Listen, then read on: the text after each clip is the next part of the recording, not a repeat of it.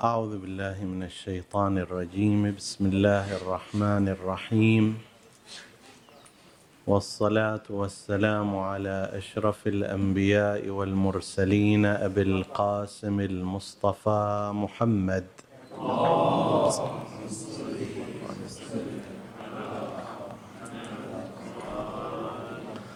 وعلى آل بيته الطيبين الطاهرين المعصومين المكرمين. السلام عليكم أيها الإخوة المؤمنون ورحمة الله وبركاته. مما جاء في دعاء الإمام زين العابدين عليه السلام بعد صلاة الفجر أنه كان يقول اللهم إني أستغفرك مما تبت منه إليك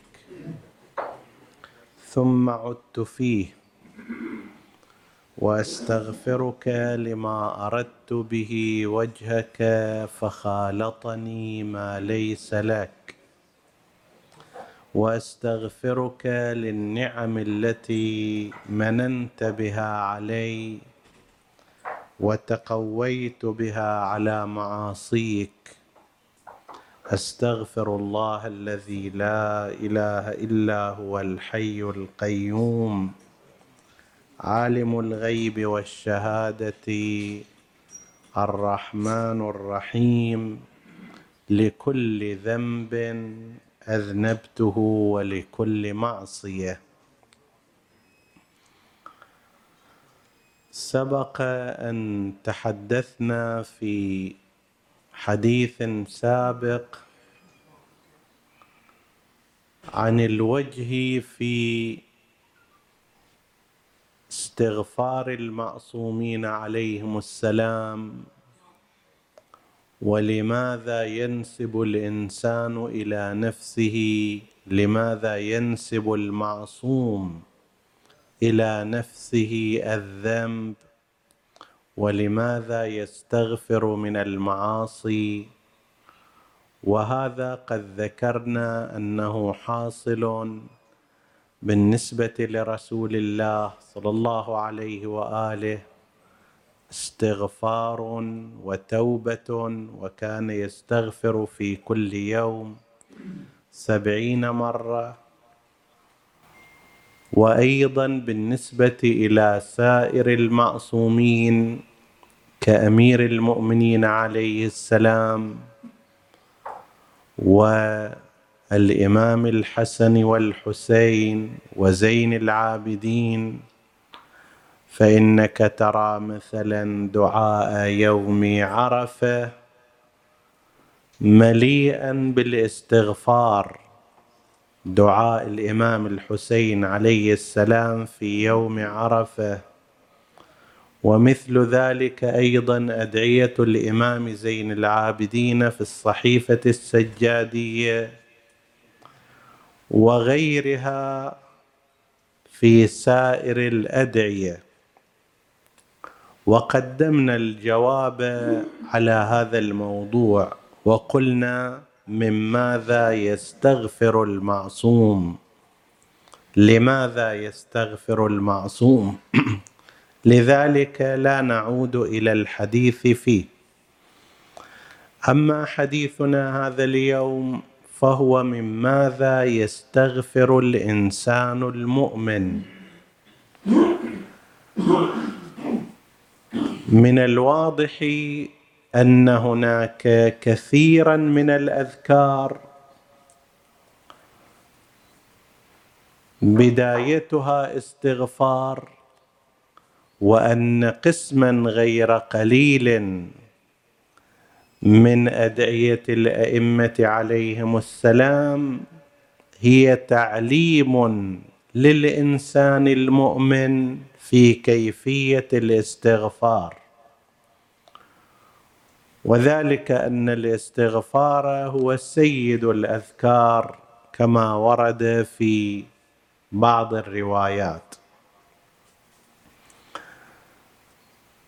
يستغفر الإنسان المؤمن بما علمناه المعصومون عليهم السلام من أمور كثيرة. أولها من الذنوب التي يقارفها الإنسان باعتبار أن هذا الإنسان المؤمن غير معصوم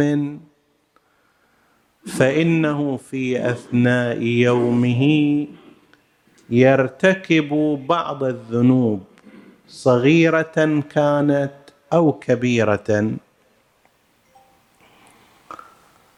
لمسح هذه الذنوب يحتاج الإنسان إلى توبة وإلى استغفار.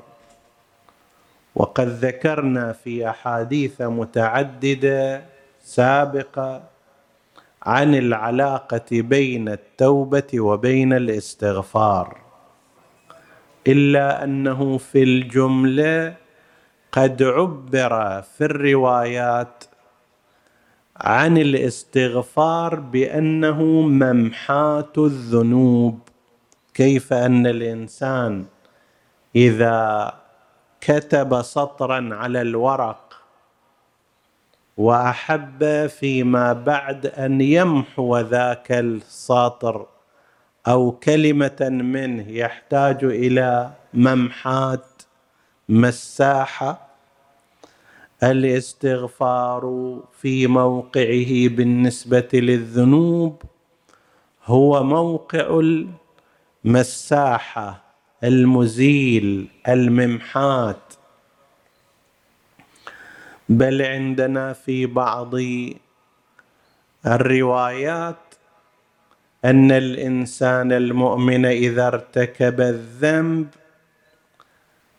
لا يكتب عليه الذنب فورا وإنما يؤجل. في بعض الروايات إلى سبع ساعات. فإذا استغفر أصلا لم يكتب ذلك الذنب. وإذا لا مرت الساعات السبع ولم يستغفر ولم يتندم ولم يتب فإنه يكتب عليه غاية الأمر يبقى قضية الاستغفار والتوبة ممتدا معه. لو استغفر بعد يومين بعد شهر تاب إلى الله بعد أسبوع أو أكثر فإن الله حري بغفران ذنبه يعني بتغطيته ومسحه بعدما كتب. فأول واحد من العناوين التي يستغفر الإنسان ربه منها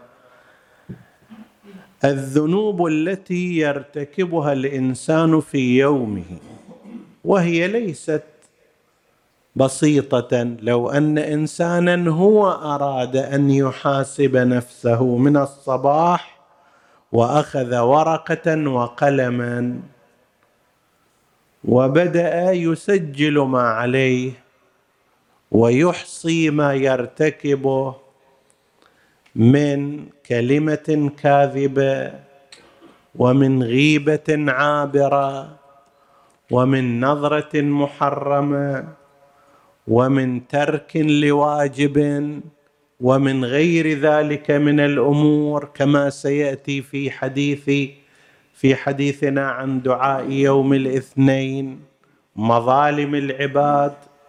سوف يجد أن هناك مفردات وعناوين كثيرة. هذا مع أنه لا يحصي كل شيء وإنما الذي يحصيه هو الملكان الكاتبان. فأول شيء العنوان الأول هو الذنوب التي يرتكبها الإنسان. مخالفات شرعية ترك لواجبات أو فعل محرمات صغيرة كانت أو كبيرة. بعضها عددت في الأدعية. وأشهرها في دعاء كميل. اللهم اغفر لي الذنوب التي تهتك العصم اللهم اغفر لي الذنوب التي تنزل النقم. اللهم اغفر لي الذنوب التي تغير النعم. اللهم اغفر لي الذنوب التي تحبس الدعاء. اللهم اغفر لي الذنوب التي تنزل البلاء. هذا في دعاء كميل في بعض الأدعية الأخرى كدعاء الإمام الحسين عليه السلام في يوم عرفة وفي بعض أدعية شهر رمضان أكثر تفصيل. اللهم اغفر لي الذنوب التي تعجل الفناء. طيب وأمثال ذلك من العناوين. وقد فسرت أيضا هذه. مثلا عندنا حديث عن الإمام السجاد عليه السلام قال من الذنوب التي تهتك العصام شرب الخمر والعياذ بالله. بينك وبين ربك عصمة حفظ أنت في عصمة الله وحفظه وحياطته حتى إذا والعياذ بالله شرب هذا الإنسان الخمر هتك العصمة ما بينه وبين ربه. واللعب بالقمار أيضا تهتك العصمة بين الإنسان وبين ربه. كل شيء فيه مقامرة كأن الإنسان بهذا الفعل الذي يقوم به ترك الطريقة الطبيعيه من السعي والعمل الحلال والكسب المشروع إلى عمل محرم عليه وهو القمار فيهتك ما بينه وبين ربه من الاعتصام. الله قال وما من دابة إلا على الله رزقها فعقد بينه وبين خلقه عصمة وعلاقة.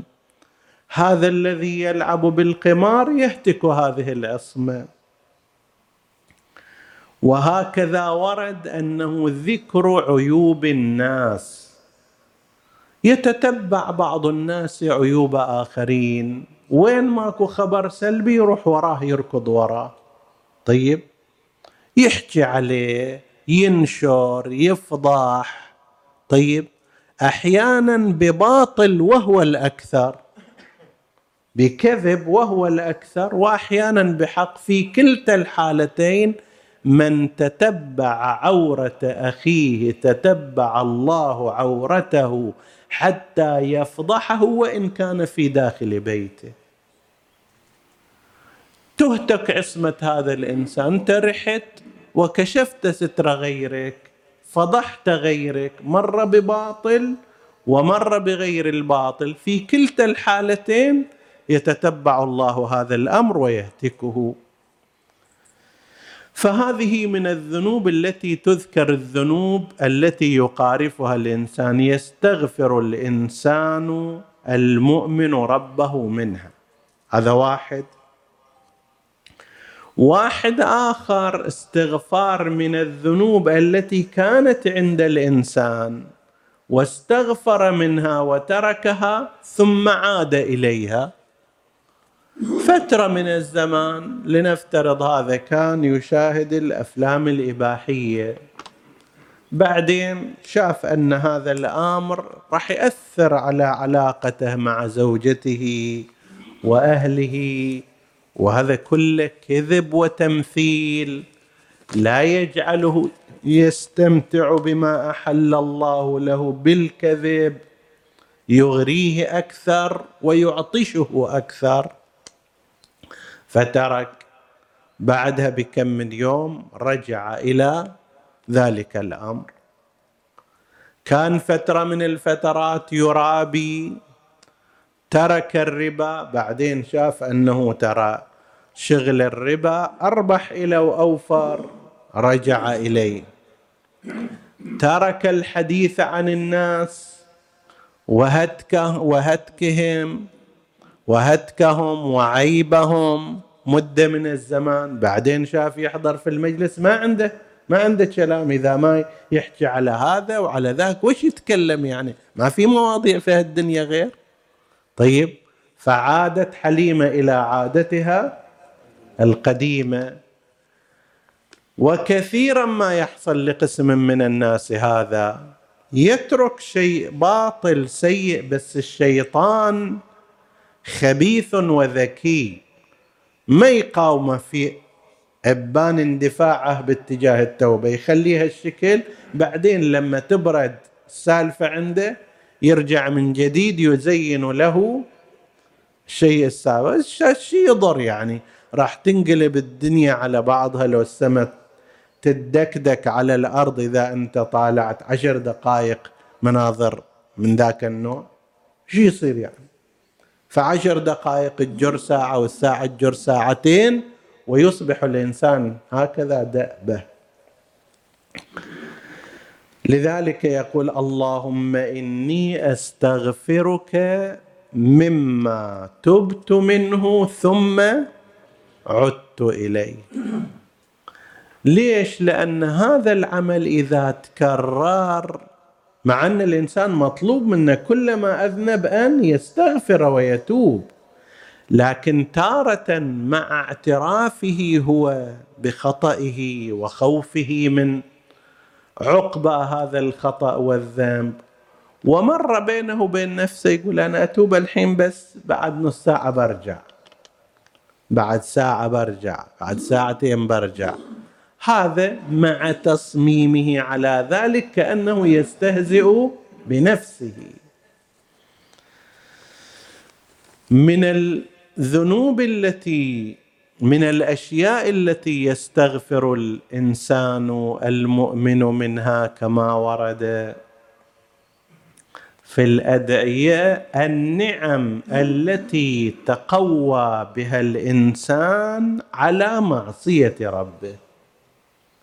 الله أعطى لهذا الإنسان ذكاء أعطى له عقل أعطى له عضلات أعطى له مال اعطى له شخصية. المفروض يستعين بهذه كلها على فعل الخير وعلى الارتقاء والتكامل والسمو. هو شي يسوي؟ برجله التي هي نعمة من الله يسعى فيما حرم الله. بعينه التي يفترض أنها ترقيه بقراءة القرآن بالتثقيف والتف والمطالعة وما شابه ذلك بعقله الذي يفكر به ويخطط تخطيط أحسن لدنياه وآخرته. بدل ما هذا يروح يوديه صوب ما حرم الله سبحانه وتعالى وأستغفرك للنعم التي أنعمت بها علي فقويت بها على معصيتك. في الاستغفار الذي ذكرنا قسما منه عن أمير المؤمنين عليه السلام في السحر في اللي في الحديث الماضي قلنا أمير المؤمنين عليه السلام عند استغفار من سبعين فاصل من سبعين فقرة. واحد من الفقرات هذه اللهم إني أسألك لكل ذنب قوي بدني عليه بعافيتك. أو نالته قدرتي بفضل نعمتك. تخليت رزقي واسع بدل ما أصرفه على أهلي. وفي أمور ديني ودنياي رحت إلى أماكن الفساد. حجزت تذكره ورحت إلى هالمكان. اشتريت به الأشياء المحرمة أو نالته قدرتي هذا الذنب بفضل نعمتك أو بسطت إليه يدي بتوسعة رزقك واحتجبت فيه من الناس بسترك. الله من نعم الله على الناس ستره عليهم. الآن نحن مستورون أمام بعضنا البعض. ولو تكاشفتم كما ورد لما تدافنتم. أنا أستفيد من هذا الستر في الاستمرار في المعصية في الاستمرار في الذنب. وغرني سترك المرخى علي في بعض الأدعية. فصل على محمد وآله واغفره لي يا خير الغافرين. هذا من الأمور التي يستغفر منها الإنسان. من الأمور التي يستغفر منها الإنسان الأعمال العبادية غير الصافية والخالصة. تلك ذنوب لكن هذه أعمال عبادية. يعمل عمل عبادي طيب صلاة صيام ما أدري إنفاق. عمل صالح ولكن بدل أن يكون لله عز وجل يخالطه ما ليس لله. سبعين في المئة للناس ثلاثين في المئة لله. خمسين في المئة للشهرة خمسين في المئة لأجل ربه. ستين في المئة لأجل اصطياد الناس أربعين في المئة لأجل آخرته. هذا عمل عبادي في الأصل ولكن أفسده بهذه النية الخليطة. هذا خليط سيء. فخالطني ما ليس لك أستغفرك لكل عمل عملته لأجلك خالصا لوجهك لكن فخالطني ما ليس لك. وآخر شيء في مظالم العباد. لهذا كثير من الأحيان الإنسان لا يلتفت إليه عندما يقال أنا أذنبت ذنب. يقول لا وين أذنبت ذنب؟ الحمد لله. لا شارب خمر لا زاني لا تارك الصلاة لا قاتل إنسان. كل الأشياء ما مسوي. طيب؟ لا اكو هناك مظالم للعباد.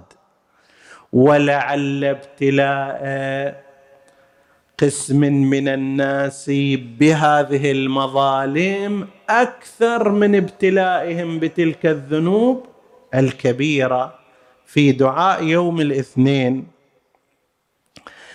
لاحظت أن يوم الاثنين في قسم من الأحكام له خصوصية. هذا يحتاج إلى تتبع ولكن مثلا يستحب في صلاة الاستسقاء أن يخرج يوم الاثنين. لنفترض بلد جف منها المطر طيب يقول يستحب أن يخرج يوم الاثنين لصلاة الاستسقاء. شنو خصوصية يوم الاثنين؟ نحن لا نعلم ولكن هذا موجود. يستحب أن يبدأ المتعلم العلم في يوم الاثنين. انسان يريد يروح يدرس.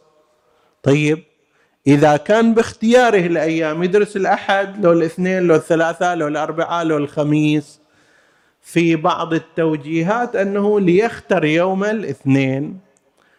مستحب معروف عند العلماء النصيحة بصيام يوم الاثنين ويوم الخميس. طيب. هل هناك خصوصية ليوم الاثنين أو لا؟ هذا يحتاج إليه إلى بحث الآن. لا نستطيع أن نجزم بهذا الأمر. ففي دعاء يوم الاثنين يقول اللهم إني أستغفرك لكل نذر نذرته وكل وعد وعدته وكل عهد عاهدته. طبعا يفترض أن تكون هذه الأشياء واجبة حتى يستغفر منها. النذر العهد اللي هو أيضا له صيغة خاصة. نعم الوعد فقها لا يجب الوفاء به لكن العهد إذا جاء بالصيغة فهو كالنذر. ثم لم أف به. بعد ذلك يقول وأسألك في مظالم عبادك عندي. فتعالوا عدد شوف إحنا أحيانا نبتلى بمثل هذه لولا. هذا اللي أقول لو أن إنسانا أراد من الصباح إلى المساء أن يعدد ما ربما قد يرتكبه يكون كثير تعال احسب من هنا.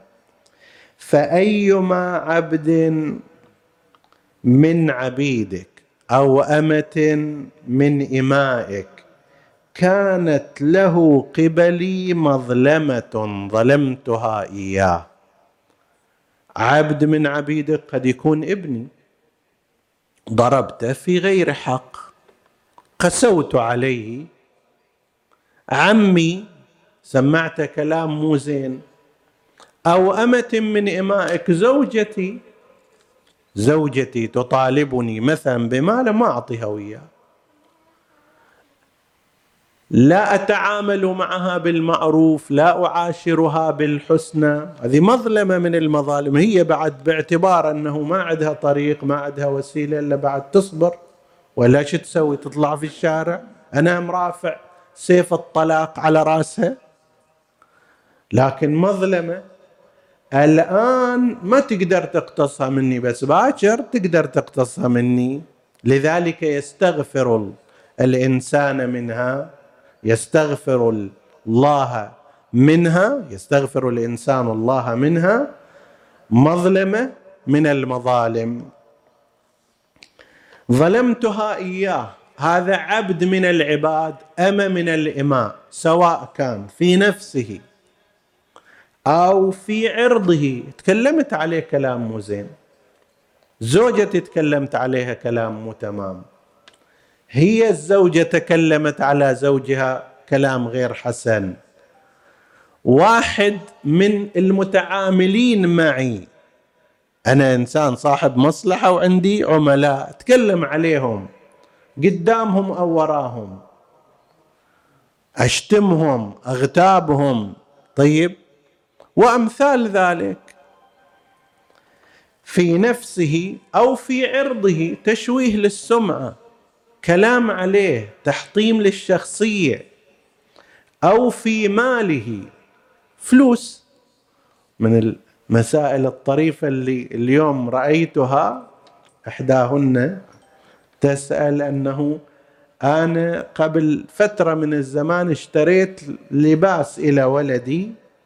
فلما رحت البيت شفت أنه مو على قياسه نسيت الموضوع.